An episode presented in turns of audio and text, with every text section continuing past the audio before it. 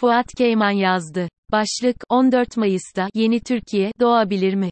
Ve seçim tarihi resmileşti. Belki de Türkiye'nin kaderini değiştirecek seçimler 14 Mayıs günü yapılacak. Cumhurbaşkanlığı seçimi ikinci tura kalırsa, 28 Mayıs'ta da o seçim yapılacak. Son yıllarda arka arkaya yaşadığımız ve geleceğe bakışımızda ciddi derecede belirsizlik ve ontolojik yaşamsal güvencesizlik duygusu yaratan çoklu krizler ve afetler sonrasında gelen 6 Şubat depremleri değişimin şart olduğunu ortaya çıkarttı bilimsel, objektif ve verilere dayalı olarak söyleyebiliriz ki sistemsel ölçekte, ülkemizi, ekonomiden iklime, demokrasiden hukuka, mültecileri, kadınları ve farklı kimlikleri dışlamaya kadar çok geniş bir yelpazede yaşadığımız çoklu krizlere, afetlere ve yıkıcı kutuplaşmaya karşı kırılgan ve zayıf kılan temel unsur, 2017'den bugüne Türkiye'nin yönetim sistemi olan, Cumhurbaşkanlığı hükümet sistemi ve onun, yıkıcı neoliberalizm, ile birlikteliğidir. Cumhurbaşkanlığı hükümet sisteminin yarattığı sorunların en tepe noktası da bugün, 6 Şubat depremleri ve bu depremlerin çok büyük ölçekte ve kıyamet niteliğinde yarattığı insan kaybı ve yıkımdır. Bu sistemin tümüyle büyüme, kar ve inşaata dayanan yıkıcı neoliberal işleyiş tarzının yarattığı felaketleri, son yıllarda, sellerde, yangınlarda, depremlerde ve doğanın yok edilmesinde de yaşamıştık. 6 Şubat depremleri yıkıcı neoliberalizmin yıkıcılık derecesinin nerelere gelebileceğini bize başta deprem bölgesinde kıyameti andıran ve yaşamın tümüyle yok olmasını sergileyen manzaralarla gösterdi.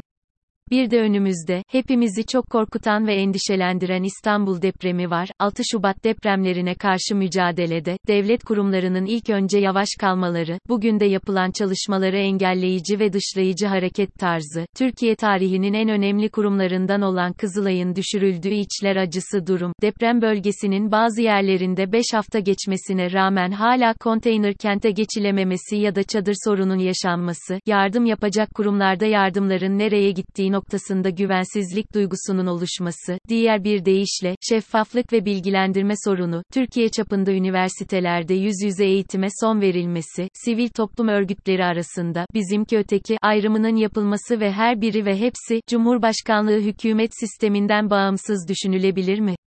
liyakate değil mutlak sadakada dayalı, denge ve denetlemenin olmadığı ve kurumları aşındıran bir sistem, krizlere ve afetlere yanıt verebilir mi? Hayır, cevabını bugün yüreğimiz yanarak alıyoruz. Yeni Türkiye bu nedenle, 14 Mayıs seçimleri Türkiye'nin kaderini belirleyecektir. Depremlerin sonuçları sadece afet yönetimiyle sınırlı değildir. Ekonomi ve tarımı da içeren çok boyutlu sorunların olduğu, yaşadığımız çoklu krizlerin olumsuz etkilerinin arttığı ve Türkiye'nin daha kırılgan ve zayıf duruma düştüğü bir dönemin başında yapılıyor seçimler. Fakat, 14 Mayıs, bu olumsuz ve kırılganlığı sergileyen tabloya son verilebilir. Cumhurbaşkanlığı hükümet sisteminin bitim sürecinin başlangıç günü olabilir. 15 Mayıs'ta, yeni Türkiye'ye uyanabiliriz. Mevlana, zorlukların en yoğun olduğu anlarda en güzel hediyeler gelir. Bahar, sonbaharda saklıdır, diyor. En güzel hediye, 15 Mayıs sabahı, en basit ve yalın tanımıyla, insanın, canlıların, doğanın, mekanın, yani yaşamın yok edilmesinin engellenmesi anlamına gelen, liyakate, kapsayıcılığa, denge ve denetlemeye, birlikte yaşamaya, dönüşün başlamasıdır. Ahlaka, vicdana, demokrasiye dönüşün, günü olmasıdır, 15 Mayıs. Bu, başta depremlerde kaybettiğimiz insanlarımız ve aileleri olmak üzere, Türkiye'ye olan bir sorumluluktur. Muhalefet kazanabilir mi? Peki, 14 Mayıs akşamı, yeni Türkiye'nin kuruluş müjdesini muhalefet ve adayı Kemal Kılıçdaroğlu verebilir mi? Türkiye'nin 13.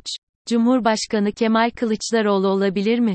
Önümüzdeki 60 günü doğru kullanırsa, sadece muhalefetin değil, tüm Türkiye'nin Cumhurbaşkanı adayı olarak hareket ederse ve konuşursa, deprem bölgesinden tüm Türkiye'ye doğru verilerle ve vicdanıyla seslenirse, güvencesizlerin güvencesi olursa, yeni Türkiye'yi kuracağız güvenini toplum içinde filizlendirirse, güçlendirilmiş parlamenter sistemin ilk tuğlasını seçim döneminde toplumu ikna ederek koyarsa, Halil İbrahim sofrasını genişletirken, Tip ve Yeşiller Partisi gibi, farklı ses proseslere ve liyakate öncelik verirse, helalleşme, birlikte yaşama, birbirimizden razı olmayı sağlayacak lider olduğunu gösterirse, yıkıcı neoliberalizme karşı dik durursa, 5 Şubat'a hiçbir şekilde geri dönmeyecek Türkiye için buradayım, sizlerleyim, derse, demokratik ve adil toplum yönetimini ahlak ve vicdan ile birleştirirse, çoklu krizleri, liyakat, denge ve denetleme ve vizyon ile çözeceğini vurgularsa, Millet İttifakı'nın diğer 5 partisinin liderleri ve iki belediye başkanıyla sahada, tüm muhalefet partileriyle işbirliği içinde hareket ederse, niye olmasın?